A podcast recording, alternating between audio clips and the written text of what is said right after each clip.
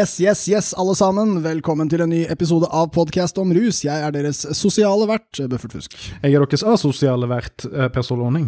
Oh, sær fyr her borte. Much. Ah, ja, nei, vi får snakke litt om det, vi, da. Ja. Ja. Nei, du, velkommen alle sammen. Uh, happy 420. Vel overstått, må vi vel egentlig si. Vi sier overstått, for ikke faen om den her kommer ut i dag. Til lykke til. Jeg håper at dere har det bra, alle dere som var ute og feiret eh, natt til 20. Ja. Natt til 20., hvor man da eh, også røyker weed. Ja. Mm. Vi hadde jo ekstreme lyttertall eh, 19. til 20. eh, april, fra Ja. Stavanger, faktisk. Ja, skjæra til Stavanger. Ja, altså det er ikke ofte jeg er inne og sjekker sånn dag-til-dag-avspillinger på dette showet, men altså, det er sånn, når vi ikke har sluppet ny episode, så er det sånn jevn tikk. sant? Altså, det er det alltid noen som sitter her. Men i natt til, natt til 20. så var det enorm spike. Det er jo kult hvis vi har vært med å kuppe litt av farsamarkedet. De har det borte farsa. Ja. Eh, at du kan lytte til oss hvis du spiser en god farsa mellom eh, to, to bollebrød, eller hva de spiser. Ja, Citizen Kane tok seg en ekstra stor farse natt, natt til 20. Citizen Kane? Ja. Ja, jøss, det liker jeg. ja, big up, big up, som de sier der borte i, i Rogaland. Eller, eller som du òg liker å si, jeg er ikke fra Stavanger. Nei, Jeg er fra Sandnes. det, det er ikke hamburger, det er farsa. Det er farse. Jeg lært av faren min. Skjæra til farse, fuck Mogamad. Vi uh, tenkte å snakke Altså, nå har vi vært Vi har jo snakka om det før, at vi gjorde mye temaepisoder før. Og så blei vi litt sånn redda, egentlig, av at det skjedde jævlig mye i ruspolitikken. Fordi det er sånn med alle podcaster at man har sykt mange ideer i starten, og etter et punkt så må de bare gå tomme, og så begynner man med aktuelt episoder i stedet. Vi har vært litt der, men det som er så fint, er at av og til dukker det opp temaer likevel, som samler seg opp, og som kan bli til en ny temaepisode. Og det serverer vi dere i dag. Ja, og sist gang vi gjorde dette, her, så var det episode 73. Ja, det synes jeg. Eh, Den kom ut 17.12.2020. Oh, det. Og jeg har jo drømt om dette lenge. Jeg har jo hatt, jeg har hatt våte drømmer om å Mm. ha en god gammeldags 2CB-episode. Det er det vi kaller temaepisodene. Det skal ikke være noe 2CB altså, i dag. Nei, det skal det jo ikke være. Det blir ikke så enkelt, nei. For å ta litt inspirasjon her, da, så er det jo at uten å gå i så veldig mye detaljer, så har vi jo jeg blant annet begynte å bli litt mer sosial nå etter at, eh, etter at koronaen har lagt seg, og, Ja. og plutselig begynte å treffe fremmede mennesker igjen. Mm. Og så har det vært noen samtaler jeg har hatt med folk da, som har trigget noen sånne her eh, latente minner og irritasjoner over samtaler jeg har hatt med folk fra før eh, pandemien. Mm. Og som jo vi har snakket litt fram og tilbake. Og det er noe jeg, jeg har lyst til at vi skal prøve å få definert, eller, eller snakket oss rundt, og kanskje komme med noe som om ikke en konklusjon, så i hvert fall noe som ligner på en, en, en hypotese, en arbeidshypotese på slutten av episoden. Ja. Og det er noe jeg har lyst til å beskrive som den norske rusmiddelklassen. Og jeg kan bare ta et, et kjapt eksempel fra en sånn samtale jeg kan ha med noen. Jeg kan treffe en, en fremmed person et eller annet sted, og så kan det over tid eh, bli klart at denne personen har ruserfaring og, og, og tar rusmidler og sånt. Og så eskalerer det til beskrivelse av det jeg vil kalle problembruk. Altså for eksempel eh, at, at den vanlige måten å ta MDMA på er i pilleform, gjerne 200-250 milligram. Uh, det, det fenger ikke før øyalt i rommet dirrer. Uh, og en variant jeg hørte nå nylig, var jo at det var ikke uvanlig i det rusmiljøet å bruke speed til å gi folk som krasjet på opptur på MDMA. Oi. Og, og dette høres jo ut som problembruk og sånt, og det er det jo. Ja. Men grunnen til at jeg tenkte rusmiddelklasse her, er det at dette er mennesker som jeg ikke tror har De har ikke vanebruk, holdt jeg på å si. Dette, dette er en ting de på en måte er litt ferdig med mandag morgen. Og så Ja, ja. er det en del andre sånne triggerpunkter, så vi skal ikke, vi skal ikke hoppe for langt fram her. Men, men Nei, nei. Sånn- det er bra. Det er det starter normalt, og så til slutt så blir det en, en, en, eh, en krangel om, eh, om, eh, om rusvane. Ja. Og så skal vi komme litt mer inn på litt mer sånn spesifikke punkter. Eh, Du kan vel ta troen litt derifra. Det kan jeg gjøre, vet du. Uh, nei, Jeg slo meg litt når du sa det nå, at det blir snakk om litt sånn eh, weekend warriors, et eldgammelt begrep som egentlig handler om folk som jobber veldig mye i hverdagene og håper å si, jobber hardt i helga og fester hardt i helga. Uh, men uh, det, det blir jo rett og slett litt om, om sånne vennegjenger her. Altså Det blir litt om gruppedynamikk. Litt sånn om hvordan vennegjenger kan eh, forsterke og lage sine egne små ruskulturer seg imellom. Og Så det blir jo rett og slett uh, I dag skal vi snakke om å, om å være venner. Det er podkast om vennskap. det er raust og varmt og godt i studio i dag. Ja, og så tror jeg som vanlig at vi kommer til å kunne trekke det inn at det, det, kanskje ikke det er så koselig likevel. Nei, vi skal ikke bare være snille. Nei. Fordi det, det er jo kjedelig, vi skal underholde, for faen. Fordi en fellesnevner med dette, og nå, nå er det, dette er et sånt amalgam jeg snakker om nå, så nå er ikke det én konkret person jeg har truffet, men det er liksom en sånn serie med ting jeg har lagt merke til. Ja, det, det, det er bra å si, altså, fordi vi, vi er jo på ikke måte på jakt etter verken enkeltpersoner eller enkeltvennegjenger her. Vi prøver å beskrive noe som er et eh, fellestrekk for mange brukere i den brede, varierte folkelige ruskulturen. Ja, og, og, for eksempel, vi kan ta én ting som er sånn For jeg er ikke en person som går rundt og, og flånter på Main Street at uh, jeg har en podkast som heter Podkast om rus til vanlig. Og det er jo ikke sånn at jeg forventer at alle har hørt den fuckings podkasten. Uh, men, men jeg, jeg, viker heller ikke vekk ifra å diskutere rus med vilt fremmede mennesker, for jeg syns det er morsomt. Ja. Men et fellestrekk, for eksempel, er at uh, man begynner å snakke om det.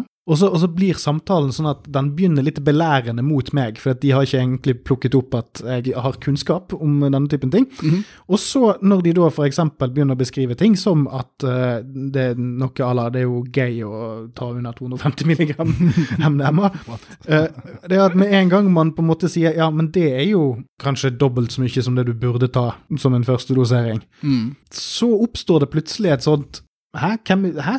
Hvorfor sier du det? Ja. Hvor har du det fra? Det, det, det vanlige er jo å og så blir det en sånn, sånn, sånn, antydning til en slags sånn sedvane, eller til, mm. til et sånt kollektivistisk, en, en, kollektivistisk forståelse av Ja, men alle tar jo MDMA på denne måten. Ja, en normdiskusjon. Ja, normdiskusjon. Ja. Mm. Uh, og, og, men uten henvisninger til hvor de har det fra, eller uh, og, og, med en gang du spør om de har testet det, så er det sånn Å ja, Hæ? Nei, nei, men jeg er ikke narkoman. Nei, nei. Jeg, er ikke, jeg, er ikke, narkoman, skjønner du, så jeg tester jo ingenting. Jeg, bare, det kommer noe med en pille, og så tar jeg den ukritisk ja. og, og, skyller den ned med en halvliter, som er kanskje min sjette, mm. før jeg begynner på prate. Det, den fylla, fylla, går også veldig igjen, ass. Mm. Uh, vi, vi, kommer tilbake til det. Ja, og dette med å, å diskutere ting som er litt vanskelige, mm. si, uh, alt som er tabubasert og, og stemplet uh, som litt forbudt sannhet bli, gjør, det, gjør, det, alltid vanskeligere med dette, som er en altså, Det jeg skal nevne nå, er en generell ting med å, å, å, lære bort ting, eller på en måte dele kunnskap med noen som helst. Mm. I hvert fall folk du ikke kjenner godt. Og det er at man, de, eh, mottakeren, kan veldig fort føle at eh, Ja, lurer på hvorfor sier du dette? Og det ene alternativet er at man bare ønsker å på en måte dele kunnskap som om man begge var forskere. på en måte, Ingen egoer involvert, kun sannheten. Eh, det andre blir at vedkommende prøver å belære deg, prøver å heve seg over deg, og da blir du på en måte mistenk mistenksom overfor mm. vedkommende. Og den, eh, den, greia er evig vanskelig. Eh, jeg tror alle kan kjenne litt på den. Hvis det kommer en eller annen person og prøver å lære deg noe, så mm. kan, du, kan alle kjenne på den. Og jeg tror alle liksom, generell greie gjør klokt i å være litt åpen og kanskje anse seg selv som litt feilbare og sånn, men, men folk er ikke så gode til det. Så, så, så, fort så blir det en litt sånn skurring, eh, en slags konkurranse om hvem som er flinkest til å ta rusmidler. Ja, og, og i tillegg så er det òg en sånn uh, Det virker som om at det er en slags begrensning eller en slags ramme for hvordan man skal snakke om det. Mm. Det er sånn, Du skal ikke snakke om det så veldig lenge. For Nei. Hvis du snakker om det veldig lenge, så blir det plutselig virkelig. på ja. et eller slags vis. Eller det blir for reelt, eller for, for vanlig, eller for unormalt, nesten. Mm. Det, det, blir litt som at uh, alle kan gå og ignorere at uh, en kollega på jobb ikke dusjer. Mm. Det kan man gjøre kollektivt, men med en gang noen sier det høyt, så blir det virkelig. Da er det noe som folk eh, gjør andre bevisste på at er en ting. Han fyren stinker, skal noen si til han at han burde dusje? da blir det plutselig problem, et problem i gruppen. Mm. Og det er også det at hvis det er en, La oss si at det er en kompisgjeng, da mm. som har en, en, ruskultur. Og så kommer det da folk som har blitt invitert med på fest, ja. som kommer inn og observerer denne ruskulturen og sier dette her er jo litt usmart. Mm. Da har man på en måte lagt på bordet at her er det kanskje noe dere burde reflektere over. Og ja. denne typen festkultur har ikke jeg inntrykk av at er så utrolig opptatt av refleksjon. Nei, Nei jeg, jeg... Eller observasjon, for den saks skyld. Ja, jeg, jeg, må si meg enig, og jeg, jeg, tror at det er mye, mye opprør uh, i den gruppa. At de, mm. de, er ikke så glad i å bli fortalt hva de skal gjøre, nødvendigvis. Vi skal, vi skal gå litt nærmere inn på det. Altså, jeg, det jeg har tenkt om akkurat det altså, igjen, Vi prøver nå i starten her bare å definere denne gruppa av brukere. Som, snik, vi, snakker sikkert om veldig mange tusen mennesker her. Mm. Eh, men uh, en ting jeg har tenkt på, er at nordmenn uh, Nå har vi jo det sånn at vi, politisk sett har blitt enige om at hvis man er tungt rusavhengig, så skal man ikke få straff. For Ja. det hjelper ikke dem. Ja. Men av en eller annen grunn er vi ikke enige om, at, om det hjelper andre. da. Mm. Så rundt 5% er tunge brukere, rundt 95% er de andre. Så folk fortsatt er veldig sint på, altså rekreasjonelle brukere. Så samfunnet har en viss grad av forakt for de brukerne. Og jeg føler at den gruppa vi prøver å beskrive her i dag, er den gruppa som speiler den forakten aller mest. Altså Ja. De som på en måte forakter samfunnet tilbake. De som sier på en måte ok, dere liker ikke oss, ja vi liker ikke dere heller. Ja. Og da er det ikke et bra forutsetning for å bli belært av en eh, litt fremmed person. Ja, og så tror jeg òg det er den gruppen som har minst identifikasjon med rusfeltet. Ja. Uh, av, for at, altså, sant, altså, nå har vi litt sånn fleipete sagt at det er rusmiddelklassen vi prøver å definere. Ja. Eh, og da ville arbeiderklassen f.eks. vært uh, jevnlige rekreasjonelle brukere. Altså dagligbrukere. Altså weed-røykere, Ja. speedere. Altså, altså folk som bare har en greie de gjør. De, de, sånn handle your high. De, de jobber med det, på en måte. Ja. Eh, Ja. og, så, og så kan du si at de, de med rusproblemer, alvorlige rusproblemer, de er på en måte kanskje innenfor fattigdoms, under fattigdomsgrensen her. en underklasse, dessverre, Ja, er underklasse der. Så, sånn i hvordan vi ser på systemet. Og så har du på en måte en overklasse som på en måte de som reglene ikke gjelder for. Mm. Det er på en måte pappaguttene og sånt. De er liksom enda mer fjerne fra alle oss andre. Det er på en måte overklassen. Ja. Mens disse her tror jeg er litt mer sånn sammenlignbart med at altså, de har på en måte, altså rus, rusbruk er påskeferie på hytten. ja. Det er noe du gjør for å slå av rutinene. Du går på jobb, du, du har en helt vanlig jobb uh, et helt vanlig sted, tjener ikke ekstremt mye spenn, Mm. men du har en jevn, uh, jevn og fin uh, inntekt. Mm. Du har råd til de klærne du har, møter venninner og venner og alt det der. Mm. Og så en gang iblant, det kan være hver helg, eller det kan være en gang i måneden, eller, Mm. men en gang iblant så drar du på Kanakas skitfylla sammen med en gruppe med venner. Mm. Og disse gruppene kan være mer eller mindre isolert fra andre grupper. Ja. Altså Det er ikke mye informasjonsflyt utenfor gruppen. Mm. Så det er gjerne en guru, eh, en som kan mer, eller det, altså den dealeren i gruppen. Ja, det er en ja. som har en connection, sant? og han eller hun tar med seg noe inn i gruppen. Og så, og så utvikler det seg en, en, en festkultur der. Og så blandes jo disse da kanskje på utesteder og whatever, det er ikke det. Mm. Men man har liksom sånne små klikker. Og grunnen til at dette er et sånn middelklassefenomen, er fordi at det er, det er på en måte litt trygt. Når de er ferdig med det, så er de ferdig. Og så går de videre. Og så er det mandag morgen igjen. Og så starter denne kvernen på nytt. Ja, det, absolutt. Jeg, jeg tror du er inne på det. Og jeg, jeg vil understreke at det er en, en veldig folkelig gruppe det er snakk om. Altså at Mm. dette er noe som fremstår som en vanlig tilnærming i Ja. befolkningen når det kommer til drugs. Uh, vi hadde noen andre punkter her òg, bare for å forsøke å definere hvem vi snakker om her. Uh, du var inne på det at det ofte er folk som f.eks. har jobb, som lykkes med å beholde jobben, til tross for sitt ganske sporadiske rusbruk. da.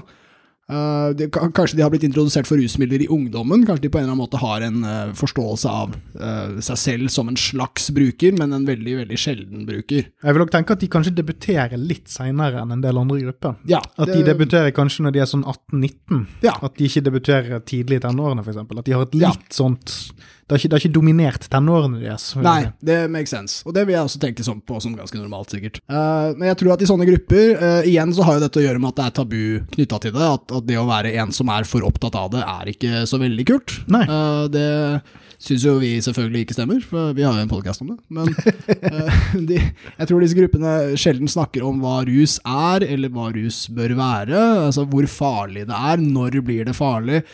Sånn- ting som ikke er så kult med det, da. Altså de, de kjipe sidene de blir veldig sjelden diskutert. Men jeg tror i så fall snakker man mer om hvordan man føler seg neste dag, eller lignende. Mm. man, man vil ikke så veldig ofte reflektere over hvor grensene går. Nei, for det er òg er et sånt tilfelle jeg merker det at nå, Jeg har kanskje ikke buried the leads veldig heller, men det er at argumentet om måtehold faller i dårlig jord. Ja, Interessant Nice. nok. Fordi at det er på mange måter måtehold denne gruppen driver med i snitt. mm, Altså for mm, at det er ikke noe de på en måte tar med seg hjem. Ja. Eh, om de tar det med seg hjem, så er det noe de gjemmer, og det er, noe de, det er noe de skammer seg over. Det er ikke noe de snakker høyt om Mm. til andre enn de som de bor sammen med, f.eks. ja, ja. Eh, det, er, det er noe som holdes skjult, det er ikke en del av dagligidentiteten deres. Eh, men når det først skal på bordet, så skal det ikke på en måte være noe Du skal ikke tenke for mye på det. Nei. Det kan godt hende at de passer seg, og sånt, men det å vite eksakt hvor eh, mye eller hvor lite, det det er ikke en vitenskap de er spesielt interessert i. Mm. På samme måte som at de ikke teller øl, Ja. eller har oversikt over enheter de får i seg, osv. For Mm. hvis du er for opptatt av sånne ting, så har du jo et problem. Ja, det, ja, absolutt. Du skal gripe dagen, leve i nuet, der og da, lov å kose seg. Mm. Og, i, for, for en gitt periode. Ja. Det skal ikke være hele tiden. Og Det er kult at du drar inn det med måtehold, for det er et veldig fint begrep. Det var faktisk en av de gamle kardinaldydene i gresk filosofi. Mm. Uh, måtehold. Det var hot shit og kom uh, allerede derfra, fra altså, 2500 år siden, om ikke mer. Uh, men, eh, men det som er interessant med den aksen her, altså du har avhold og måtehold, eh, de er kjente begreper. Avhold er jo aldri, måtehold er gang iblant. Men da mangler du en på høyresida, som er hele tida. Altså excessive use. Og det, det, det vil jo være en, en fullstendig rusavhengig person, egentlig. Eh, ingen som snakker så mye om det idealet. Åpenbart galt. Måtehold krever derimot at du har ganske mye individuell innsikt. At du, at du vet hvor dine grenser går. For gruppemåtehold funker ikke så bra som individuelt måtehold. Det er et personlig prosjekt. Og jeg tror også den gruppa her er de er på en måte instinktivt opposisjonelle. Mm. De er ofte kanskje litt sånn motkulturelt orientert. Og det er grupper jeg ofte liker veldig godt, for jeg syns motkultur er dritfett. Men, eh, men de gjør det kanskje litt sånn ubevisst. Igjen så er disse identitetene litt uklare. Og jeg tror opposisjonslysten deres, den rammer jo da selvfølgelig en stakkars fyr som prøver å diskutere rus på fest, eh, men den rammer også, si, vitenskapen, da. Man er ikke så interessert da, fra det å gå inn på erovid.org, eller, eller andre sider som eh, handler om å studere og, og forstå rammeverket rundt, for det vil da ta bort et eller annet, det tar ta bort en romantikk eller noe sånt. Der kommer vi kanskje litt inn på eh, kanskje enda mer en avgrensning som er interessant her. fordi når jeg tenker meg om, så kan man kanskje protestere litt på dette her med middelklassebegrepet og sånn, fordi Ja. mange av de jeg tenker på, faller nok innenfor eh, en eller annen utgruppe. Et par, et par av de er rockere, et par av de er litt mer sånn uh, alternative. Noen er litt mer sånn, sånn, eh, sånn urban bohem, ikke? Ja. eller sånn, sånn, sånn lik- liker å røyke sigg og snakke om poesi. sant? Ja. Men, men samlet sett så har de, altså den tingen som gjør de annerledes, er bare at de har en eller annen markør som ikke er A4. Ja. Det betyr ikke at livet deres ikke er A4 på nesten alle plan, det er bare det at de har noen outlets for personligheten sin som er litt alternativ. Og det kan være, det er kanskje noe av det mest A4 som fins. Ja. Å være litt rar. Bitte litt. Stikke Ja. seg litt ut. Det er nok vanligere enn de liker å tro. Ja. Så, så dette er en, en eh, på, på sett og vis en litt uniform gruppe, selv om de har forskjellige personlige uttrykk. Så, kan de, så er måten de organiserer livene sine på, ganske lik. Ja, det er sant. Det, det slår meg altså at det, er, det ligner på noe jeg har vært innom før, i way tidligere episode, sikkert 20 episoder tilbake i hvert fall, hvor jeg snakka om det at jeg var hos en kompis, og han hadde han har alt på stell. Han kan, kan alt. Han mm. serverte kjempegod mat, kunne alt om råvarene, pekte på bøker i bokhylla si, har lest alle, kan alt. Så drar han opp noe pulver og sniffer det, så spør jeg hva er det for noe. Nei, det er vel det er speed, da. Igjen, kjøpte en fyr i parken. Bare, hvor er historien? Hvor er Kommer det fra Polen? Kommer det fra Ja, men det er, det, er, det er ikke kult å vite sånt. Reis, reisen begynner på de meksikanske slettene. Det begynner med den ene råvaren til amfetaminet. Eh, Bensin. ikke sant? Begynner med oljeproduksjon, selvfølgelig. Men det er altså det er ikke kult å, å bry seg om det, ikke sant? Og, og den greia der er i så fall veldig negativ, altså fordi det handler jo om noe som er farlig og, og risikabelt, det man driver med. Ikke sant? Så det er jo kanskje den tingen man skulle vite mest om. Kanskje viktigere å vite om det enn hva som står i bøkene i hylla di. Eh, fordi du, du snorter ikke de bøkene. Altså, det, det påvirker helsa di veldig direkte, da. Ja, og så er det den altså, for Der er man inne på det der med kalkulert risiko og sånn. For at, altså, det, er folk som snorter. For at det, det er jo det er jo kanskje òg en ting vi kan nevne her. ja, at det, det jeg tenker er den mest sentrale biten her, er MDMA, faktisk. MDMA, weed, og så er coke og speed litt på siden.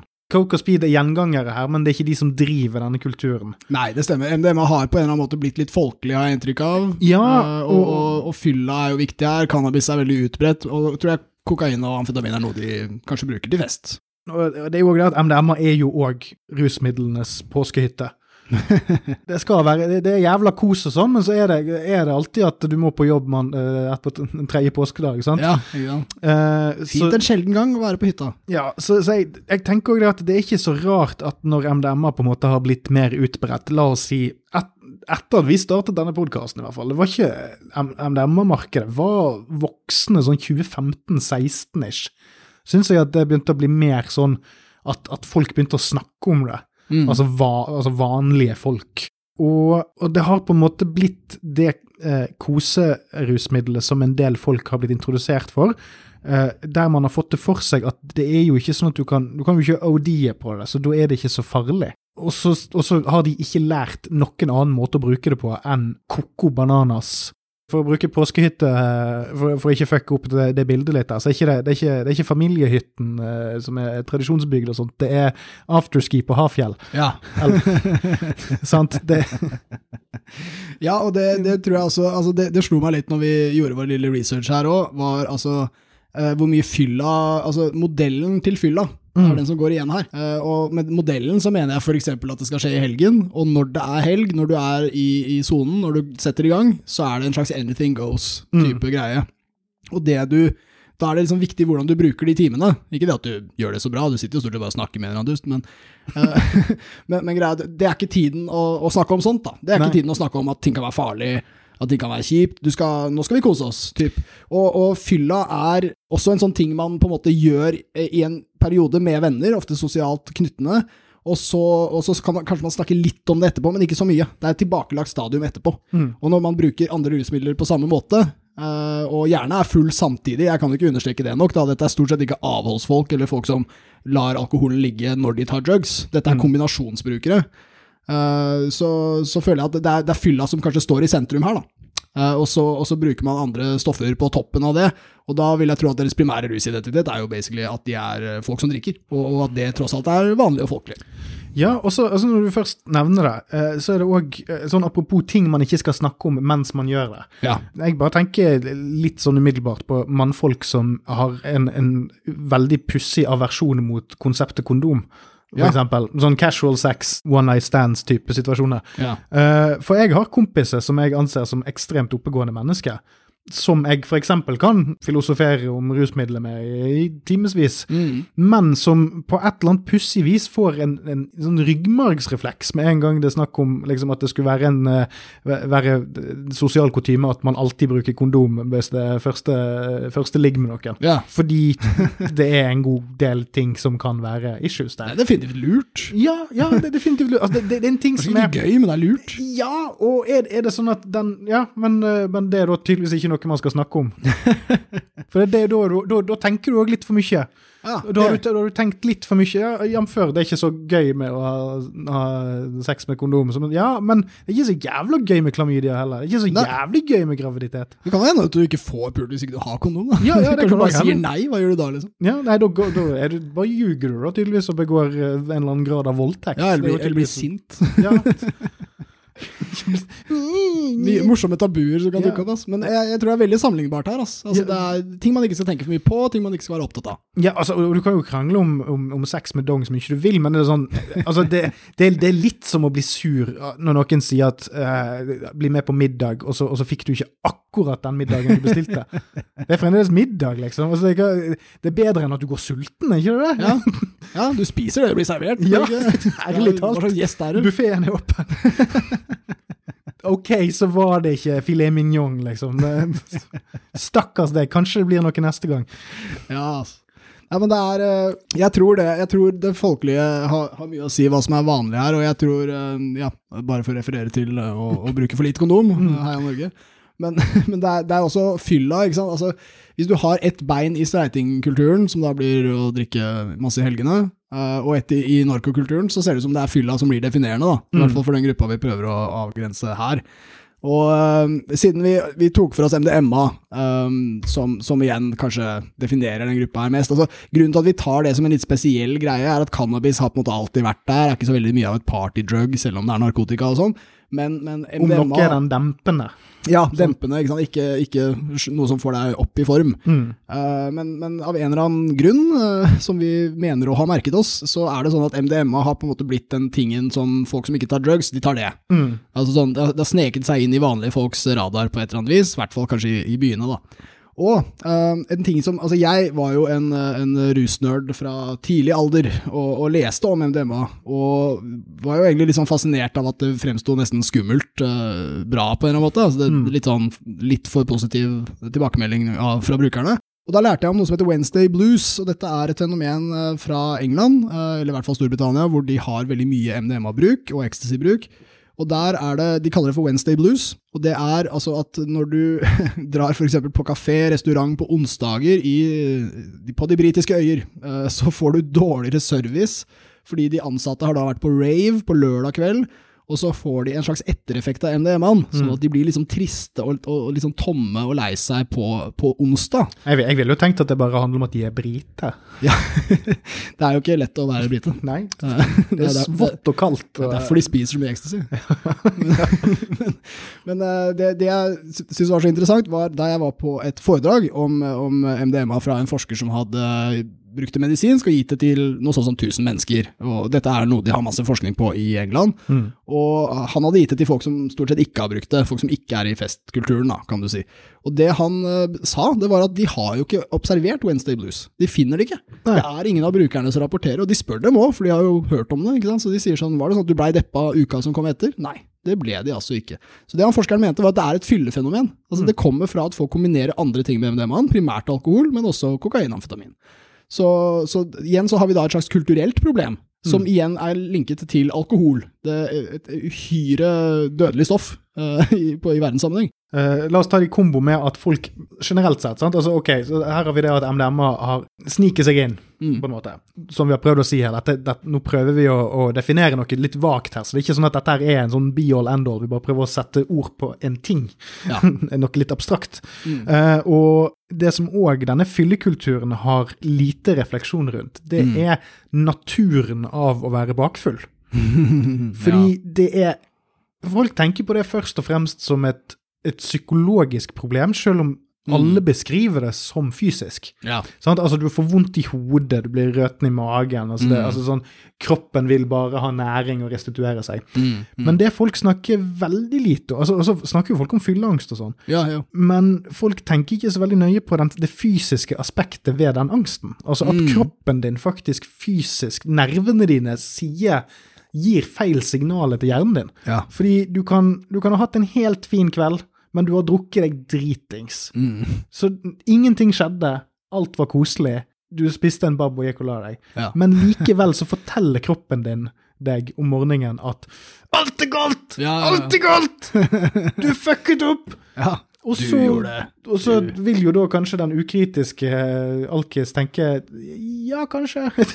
eller, eller, eller, eller ikke engang reflektere rundt det, men bare OK, så går jeg og har fylleangst hele tiden, Ja. og så, og så bare går det vekk. Jeg, Ja. bare, jeg bare ignorerer det til det går vekk. ja, ja, ja. Det er vanlig, tror jeg. Ja, og, og det kan jo være naturlig nok, fint det, men når du kombinerer det med mind-altering drugs, som mm for eksempel MDMA, som vil kutte ned serotoninnivået ditt betraktelig, Mhm.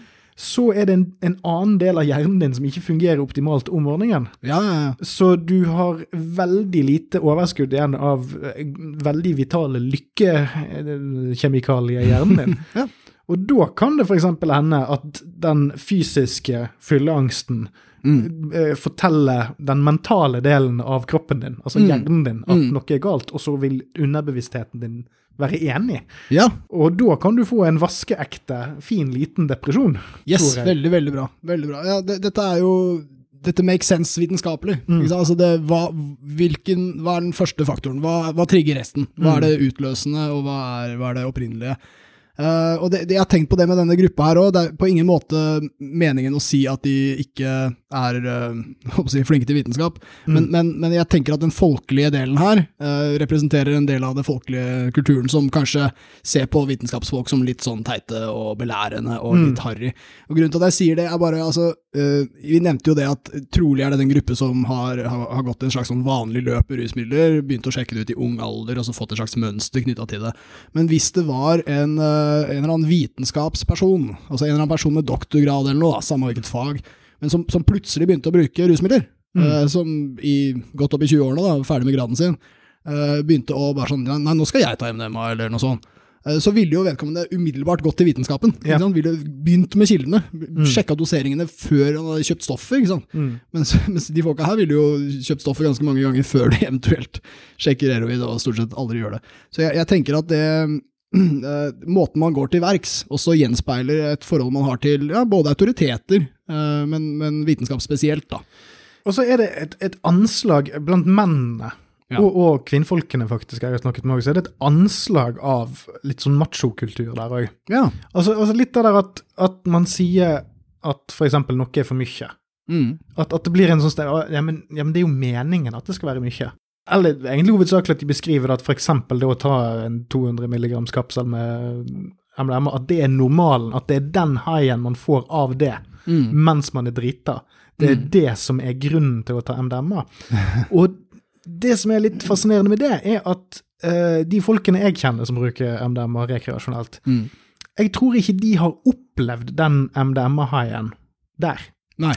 Så det jeg lurer på, er, er det en egen eh, Hva skal jeg kalle det? Eh, helgedrita MDMA-overdose-kick. Ja. som er noe litt mer unikt enn den litt mer sånn koselige kjærlighetsvarianten som mainstreamen har plukket opp. Mm. Mm. ja. Fordi, fordi jeg tror definitivt at folk som tar så mye som det der eh, eh, kjenner på nærhet til andre og ting blir enklere, men det blir jo òg da tiltagende manisk Mhm. og, og energisk, Mm. og, og man får mer behov for å bevege seg og, og være, være et jævla fuckings lokomotiv. Love commotion, eller hva. At det er rett og slett to sfærer Ja. som ikke snakker så mye med hverandre. Nei, jeg tror effektene kan variere såpass mye. Jeg, jeg tror det blir to helt forskjellige greier. Jeg, jeg tror absolutt det. Ja, og, og som òg da vokser fram ja, separat av hverandre. At, at, Mm. at ja, du har disse her utforskende eh, nerdene som ja, leser seg fram til det, og så har du de som Mm. ja, bare sklir litt inn i det, for det er jo gøy. Ja, ja men det, det tror jeg du er Der tror jeg du er inne på noe veldig sentralt her. For altså måten du blir introdusert til det, Mm. har jo også mye å si. De der folka som uh, aldri kombinerer alkohol med MDMA, da, Mm. som sikkert er en egen form for brukergruppe her, Mm. de vil jo trolig ha, ha kommet fra et litt mer unikt sted. Altså Igjen er jeg tilbake på det folkelige her.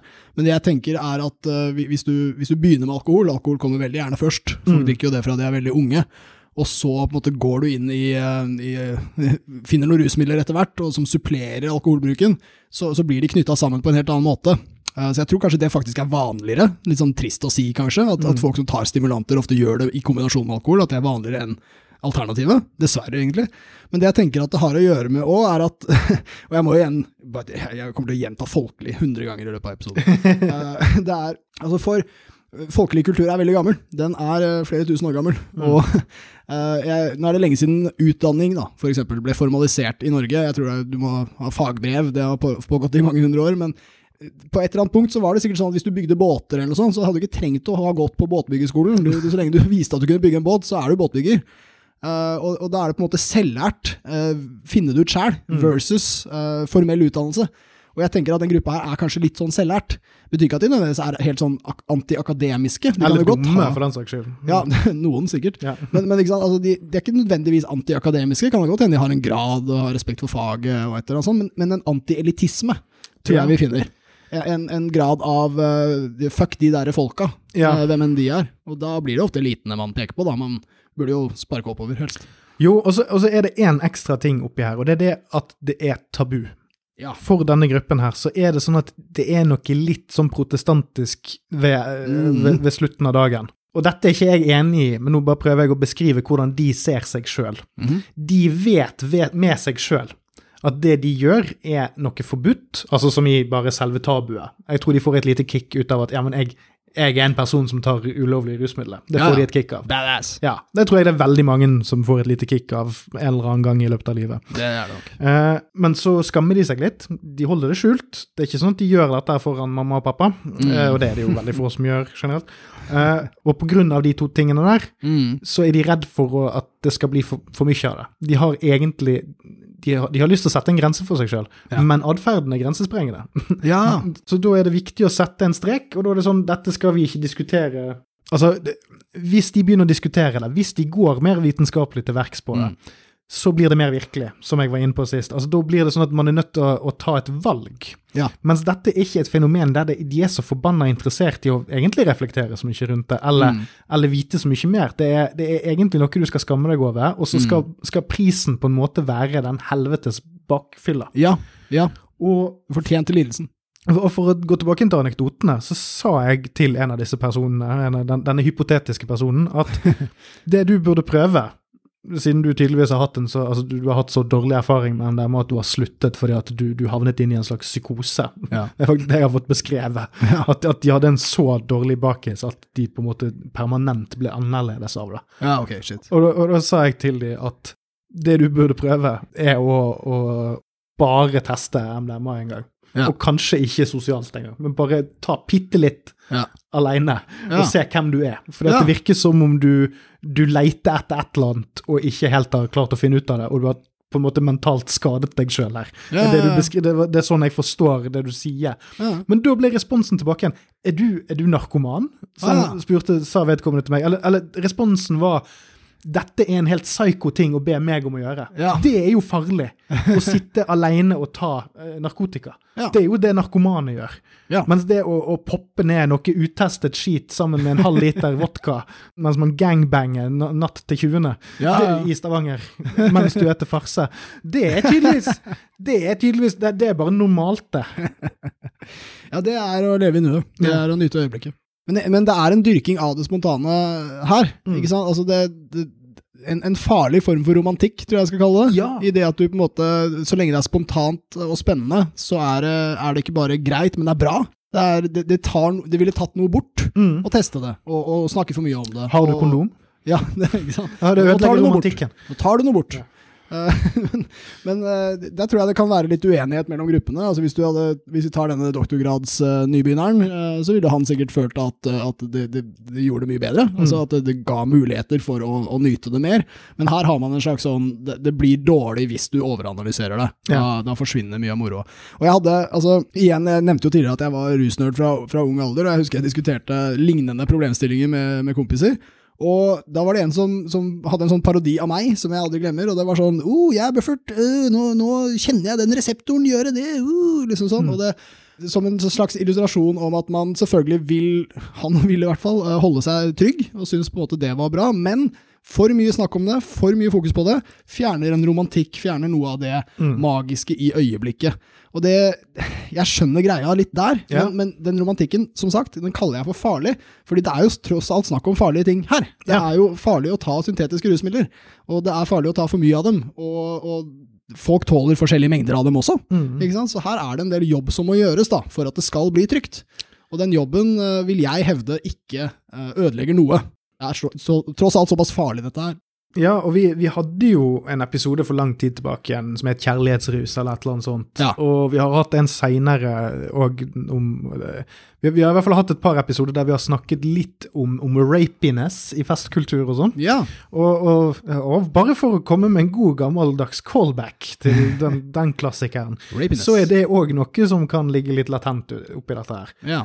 MDMA har en, en effekt på folk som gjør at eh, om, om ikke evnen til det, så i hvert fall kjønnsdriften kan Eller man kan bli inspirert og Ja. mer, mer forelsket i folk enn det man egentlig er. Det stemmer. Eh, og kombinert med alkohol og altfor høye inntak av ting, så kan det òg være veldig vanskelig å tolke hverandres følelse. Og, folk, Mm. og, og disse folkene her er ikke spesielt flinke til å sette ord på hva de opplever underveis. Mm. For det skal man jo ikke gjøre, man skal Nei. leve i nuet. Mm. Og en av konsekvensene her kan være eh, emosjonelle eller fysiske overgrep mot Ja. andre mennesker. Ja. Som ikke engang er intensjonelle. Mm. Eh, det kan være misforståelse, det kan være Men ansvaret er på de som gjør det. Ja. Og hvis man gjør ting i denne tilstanden, så er det ditt ansvar. Det er, Mm. det er du som har tatt en serie med avgjørelser som har ført deg til denne situasjonen. Ja. Uh, og jeg sier ikke at det er sannsynlig, men jeg sier at en gruppe med mennesker som tar mind-altering drugs som MDMA, Mm. med masse sprit og weed på toppen, uten å reflektere rundt dette, det er risikogruppen for nettopp det. Ja. Det er kanskje en av de mest Altså, det å fucke hverandre over, bokstavelig talt, kan være en, en vesentlig høyere enn for en god del av de andre rusgrupperingene. Det, er, det, det, det vi snakker om her, er jo egentlig uforsvarlig rusbruk. da. Mm. Altså, det blir jo uforsvarlig fordi man ikke ønsker å gjøre hjemmeleksa, eller hva vi skal kalle det. Og jeg, jeg vil si at den beste unnskyldningen for å være uforsvarlig, det er å være ung. Eh, fordi når man er ung, så er man det. Det er en del av pakka. Men nå er jo vi begge podkastvertene her, vi er jo over 30, tror jeg vi kan si. Og, Snakk for deg sjøl. Ja, lille gutt. Men nei, det er, altså, dette er noe man basically burde vokse fra, er poenget mitt. Mm. Uh, det, det, blir, det blir altså, Jeg husker et eh, strålende harry sitat fra jeg var yngre, som var 'dø ung og bli et vakkert lik'. Mm. Uh, som er litt sånn teit å si, for du er ikke så vakkert lik så veldig lenge. Det må jo Nei, nei, og det, det er jo egentlig et, et utsagn som passer best for nekrofile. Ja, Det var de som begynte å spre det begrepet. Det er faktisk det er en konspirasjon for å få flere det, er den, Flere unge lik. Ja, Jeg liker den konspirasjonsteorien der. ja. Uh, men uh, det blir på en måte den ene tingen å si. Unge folk får lov å si det. Ikke så veldig rå ting å si når du ikke er ung, for Mm. da, du, da er det for seint. Da blir du ikke et vakkert lik. Uh, men det, den andre motsetningen til eh, en sånn holdning ville blitt altså jeg bryr meg om helsen min og vil leve godt og lenge. Og hvor gammel må du bli før du begynner å tenke sånn da? Mm. Altså det Har du lyst til å bli gammel, liksom? Altså, det, det, er, det er noe kult med opprør, men det er noe litt lame med en 40-åring som ikke bryr seg om helsa si, eh, for eksempel. Det er det. Ja, Man burde kanskje vokse litt fra dette her. Ja, så, så tenker jeg òg at det er én ting som er litt Jeg syns er litt trist med det. Ja, det vitner om en party- slash vennekultur som, som slår meg som ikke spesielt emosjonelt sunn. Ja, eller oppegående. Ja, ja fordi det som liksom er gjennom Altså, den røde troen i disse miljøene vi beskriver, og disse personene, er at vi kommer ikke så tett inn på hverandre. Nei. Sjøl når det da tas enorme mengder av MDMA. Ja, altså, det, det, det skal ikke bli for ekte på noe som helst tidspunkt. Mm, too real. Uh, og det virker òg som det er en aversjon mot å la visse realiteter innta uh, Ja, altså det, det der du snakker om å bli voksen. sant? Ja. For det å være voksen er å tenke på at konsekvensene av handlingene dine, f.eks. Mm. Hvis jeg skal jeg, jeg liker å drikke meg drita den dag i dag, jeg, det er ikke det, men jeg vet at det er visse konsekvenser med å gjøre det. Så hvis jeg skal gjøre det, så må jeg være sikker på at det, det ikke fucker noe opp. Og det virker som om den norske rusmiddelklassen jobber veldig hardt for å ikke komme til det punktet. Mm. Ikke, på noen, ikke under noen omstendigheter begynne å reflektere rundt dette på en måte som gjør at du kan bli trygg på det. Mm. For Det virker som om måten disse folkene blir voksne på til slutt, er at de, de sier at nei, men det, var, det ble for mye. Ja. Altså, jeg, jeg, ble, jeg ble utbrent. Jeg, Ja. jeg kan ikke feste så hardt lenger. Så istedenfor istedenfor å justere deg og erkjenne at du har blitt litt eldre, Mm. så er det sånn Nei, nei, nei. Det er, det er sånn som ungdommen gjør.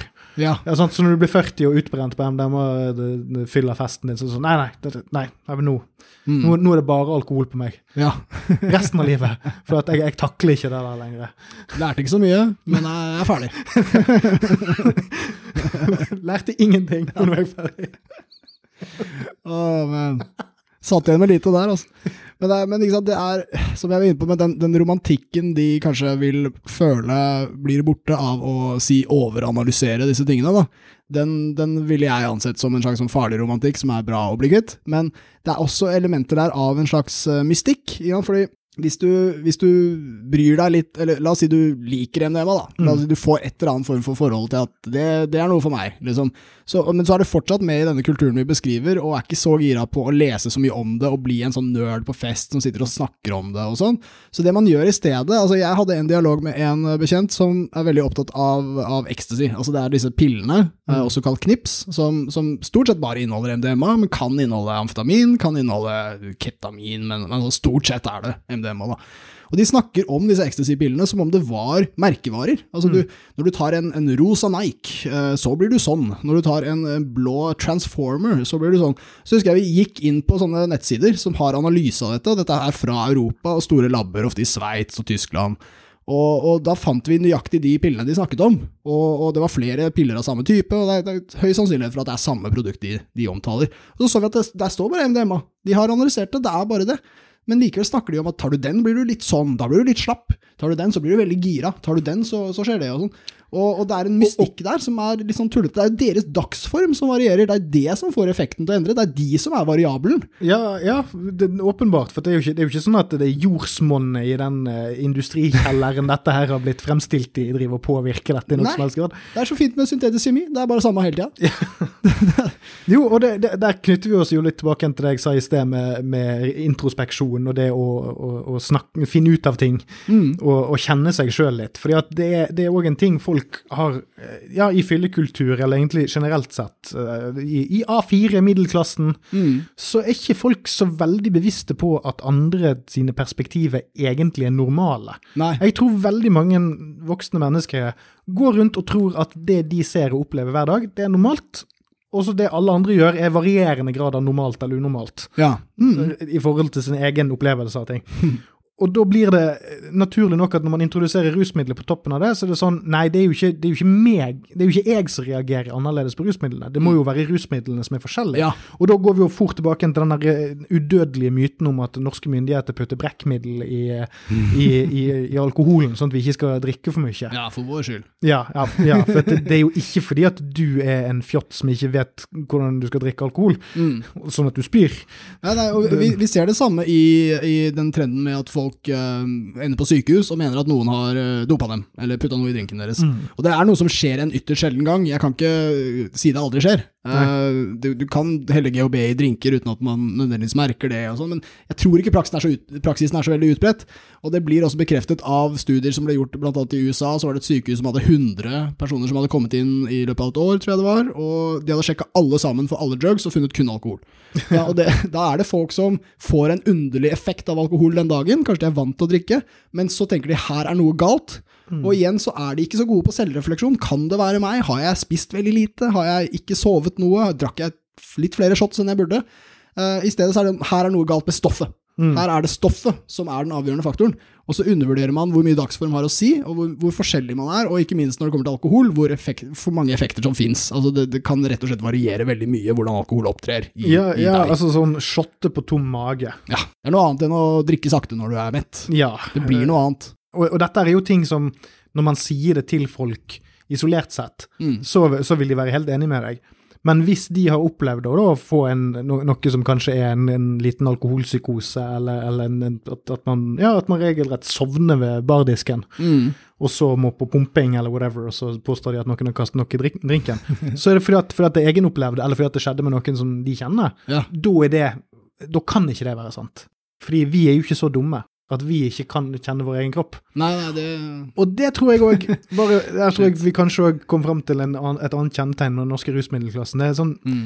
litt ufortjent stor tiltro til sin egen intelligens. Ja. Ja. Ja. Litt for, litt for selvsikker. Litt lite ydmyk, kanskje. Ja, for at de, de, de vet liksom at de kan ta til seg informasjon, men det skal være igjen på de sine premisser. Mm. Det skal ikke, det skal ikke komme noe informasjon her som ikke, ikke er godkjent av den øverste autoriteten, og det er meg. Ja. Kommer ikke her og sier at jeg ikke kjenner min kropp, det er Nei. bare jeg som gjør det. uh, men altså, ved å tro at, eh, at det må være stoffet, altså det, for jeg er så stabil, så, så derfor er det, når det skjer noe rart, så er det stoffet. Noe var galt med stoffet, det var, eh, det var den jævla dealerens feil, eller noen andres. Eh, det, det minner meg om snakk jeg har hørt før, dette synes jeg var jævlig gøy. Jeg husker at jeg var, eh, jeg tror ikke jeg nevnte noe om det da det ble sagt, eh, men jeg har hørt prat om eh, om LSD, eh, igjen et syntetisk kjemikalie, som er det samme hver eneste gang. Så lenge du har fått LSD, så vil LSD alltid være likt. Eh, det vil kanskje variere på dosering eller sånt. Mm. Men, men da var det snakk om at uh, den ene syra, ikke sant, det er fin navn på hele stedet, uh, det, var, det var sånn gladsyre. Når du tok den, så ble du glad. Ja, og- Julesyren. Og det andre var sånn tenkesyre. Det, når du tok den, da, da satt du bare og tenkte. Ble ikke så glad. Ble bare sånn eh, stille og reflekterende. Og så, og så slo det meg at den mystikken er jo helt ubrukelig. Det er du vil jo aldri komme i mål med noe. For det første fordi det finnes en bedre forklaring som er vitenskapelig, og som handler om at du må reflektere over deg selv, dessverre. Eh, men, men, men du vil aldri komme i mål. Altså, du, du vil bare på en eller annen måte altså, Det å ta LSD blir som å på en måte be til Gud og se hva som skjer. Bare at denne guden her vil du aldri svare deg. Du, du vil aldri få noe tilbake. Du vil bare Hva om? Kanskje det? Liksom. Og det, det er kanskje ikke den beste tilnærmingen når du driver med en risikabel aktivitet som familien din vil mislike at du driver med, f.eks. Altså, å dyrke en mystikk og en slags sånn, nesten teologi knytta til det, det, det, det er jo helt Alternativet er vitenskap. Og evnen til å se på seg sjøl som et sosialt vesen. Ja. Fordi jeg tror kanskje det er derfor jeg er mest irritert på disse folkene her. Og Mm. jeg tror kanskje det blir min avsluttende konklusjon nå når vi nærmer oss slutten her. Eh, og det er det at festkultur er sosialt. Ja. Når jeg drar på fest, om det er hos fremmede eller om det er hos folk jeg kjenner, eller om det bare er et middagsselskap, eller whatever, så er det fordi at jeg har lyst til å snakke med andre folk og, og, og være litt utenfor meg sjøl. Yes. jeg, jeg, jeg, jeg tilbringer nok tid med meg sjøl til vanlig. Ja, same. Eh, og det jeg syns er òg et gjennomgangstegn her, som jeg har vært inne på før, er at dette er ikke intenst sosiale situasjoner. Mm. Det, eh, det, folk har lyst til å samles og gjennomføre et rituale som på en måte skal ha en litt forutsigbar effekt, Mm. og det skal ikke komme inn noe som fucker det opp. Mm. Det, det, nå, skal jeg gå her bli, og, og være på fest med vennene mine, og så skal vi ikke egentlig lære noe, vi skal egentlig bare få en opplevelse som er forutsigbar, Mhm. og så skal jeg våkne opp og føle meg skitt dagen etterpå, og så skal jeg gjenta det samme om et par uker. Og jeg blir irritert over tanken på mennesker som, som er så redde for å bli kjent med ikke bare andre mennesker, men òg seg sjøl. Ja, Og så bruker de disse rusmidlene for å gjøre det. Det er et stort paradoks. det er det virkelig, ass.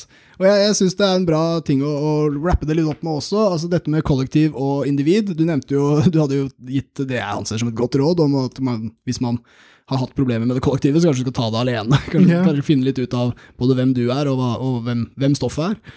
Eh, men, men det er veldig viktig å få med her og at altså, vi er, når vi er alene, vi mennesker, når vi vet vi er alene, derfor du kanskje ikke burde ha kameraer overalt i leiligheten din, eh, så oppfører vi oss annerledes enn når vi er sammen med folk. Og dette er en fin ting. Vi er alle todelt sånn sett, sosialt. eh, og ikke, da. Men når man er en gruppe, i hvert fall en gruppe som over tid knytter bånd, sånn, så får man også et visst sånn ansvar for gruppa. Mm. Og det, det, ansvaret må, må på en måte respekteres lite grann, da. Så, så det går jo liksom ut i vennegjengene, dette her, da. Eh, alle burde individuelt sett kanskje ta ansvar for seg selv og kjenne seg selv, og alt som måtehold-tradisjonen krever. Men det, hvis man er medlem av en vennegruppe, vi kunne jo på en måte snakka litt direkte til dem, da. Altså det du bør gjøre hvis du er i en gjeng og føler deg truffet av hva vi har snakket om i denne episoden, så kanskje du burde gjøre noen grep for å bare åpne litt for dialog om rus i din gruppe, og med, med vennene dine som driver med rusmidler. fordi da kan du åpne et rom for å måte komme frem til veldig viktig innsikt om både bruken generelt og den enkeltes bruk og erfaringer. Mm. Uh, hvis noen har en annen erfaring enn alle de andre i gruppa, så er jo det interessant. Uh, man kan avdekke problemer som bør tas tak i, man kan avdekke gnisninger i gruppa. Det, det å overse disse problemstillingene gang på gang er ikke en, en vinnerformular over tid. Dårlig formulert. Men det, er, det handler igjen bare om å bli litt voksen her. Da. Eh, Man har ikke så mye ansvar for hverandre når man er ung, men når man blir eldre, så begynner man å få det mer og mer. Ja, og så er det òg det at hvis man har kjipe erfaringer, så er det det at det kan kanskje være greit å se om det du opplever er normalt. For Mm. det går helt fint an å være i en sånn ruskultur som det der, og aldri har snakket om det høyt, og likevel ha en radikalt annen opplevelse av hva som foregår, Mhm. enn kompisen din som gjør akkurat det samme rett ved siden av og tar like mye. Ja, ikke sant? Og da er det sykt hvis ingen nevner det, eller Nei. får vite det. Og, og, og vennegjengen er sosiale i hierarkiet. Det er alltid Ja. noen som er mer dominante eller mer styrende og sånne ting som det der. Og jo mer Texas Bananas-trykket er, jo vanskeligere er det å, å merke om man er i en sånn rut eller ikke. Mm. Og jeg skjønner at det er veldig mange mennesker som ikke liker å snakke med vennene sine om sånne ting, så det men ok, det er jo da med på å isolere deg mer for et ganske kjedelig voksenliv, der du til slutt bare sitter og drikker alene, fordi det er den eneste måten du vet å cope. Mm, ja. og sånn ender vi opp, alle sammen. Eh, men altså, disse ideene om at det er kult og spennende å ta risk, det er jo igjen en veldig ungdommelig greie. Mm. det er en barnslig idé, kanskje. Noe man burde vokse fra. Altså Når du er 14 år, i hvert fall hvis du vokste opp samtidig som jeg gjorde, så så du på Jackass, og så kjørte du nedover gater i handlevogner uten hjelm, og det var dritfett. Gikk stort sett bra. Eh, Men når man blir voksen, så er det ikke like kult å sitte i den handlevogna. Da, da, for å få kick, så må du gjøre noe annet. Da kan du hoppe fallskjerm, men da er du en av de som sjekker fallskjermen før du hopper. Ikke sant? Det, er, det, det at det er kult og spennende å ta risk, det er noe som, eh, som dabber litt av etter hvert. Det er i hvert fall naturlig og sunt eh, hvis det er sånn. Med mindre du er Johnny Knoxville, da. Ja, han elsker det fortsatt. Han elsker det fortsatt. Han elsker å bli stanget av okser opp i lufta. Ja, han holdt på å daue. og sa at kanskje dette er siste gangen, nå når han er 50. Han begynner å bli litt eldre, ass. han er litt grå i, i skalpen, og vi ser det alle sammen. Så jeg mener, det er, det, noen ting gir seg. Men han har jo gjort det for oss, da. Han gjorde det. Han har, ikke, han har jo ikke bare gjort det for seg sjøl. Det, det, det, det er den gleden han sprer til verden. Ikke et vondt ord om gamle Johnny, men, uh, men det er morsomt av denne Jackass-gjengen, da, apropos den gruppedynamikken deres. Liksom. Ja, det hadde jo kanskje vært greit å ta tak i, f.eks. ikke fyllekjør Ryan Dunn. uh, det ting man kunne sagt før. Ja, og han uh, er ikke det Ja, Ryan Dunn døde jo, men han mm. Bam Majera fikk jo ikke lov til å være med på innspillingen av den siste Jackass-filmen fordi at han eh, ikke ville være edru under Ja, innspillingen. Vi kan jo ikke kanskje se for oss at det har vært veldig mange interne kritiske dialoger om, om Bam sin alkoholbruk i forkant, kanskje? Nei, nei, men, men der, der, er selv sånn- innenfor Jackass-gruppen så har det faktisk en, et par av de, blant annet Steve og, og Johnny Knoxville, klart å bli Altså, ut ifra utgangspunktet sitt, Ja. ganske reflekterte, Ja. relativt oppegående type som lever av å spise skit og løpe fra okse. Men, men sjøl de har klart å reflektere litt om sine sosiale funksjoner, og at Ja. kanskje vi ikke skal drikke rundt han som er uh, tørrlagt alkoholiker. Det er jævlig sant, ass. Det er et fint poeng. Se, når det kan gå bra med Jackass-gjengen, i hvert fall deler av den, så kan det også gå bra med vennegjengen din, kjære lytter. Det tror jeg. Ja, så jeg tror vi bare skal si uh, høre på Onkel Bøff her, og uh, tenke litt på Onkel Jonny. Tenk på alle deres onkler, og bruk rusmidler forsvarlig, så de slipper å møte opp i begravelsen deres og være triste onkler. Ja, så om du skal ta med deg én ting før vi legger på røret her, så er det neste gang du tar MDMA, tenk på onkelen din. Ja, hele trippen. Onkler out.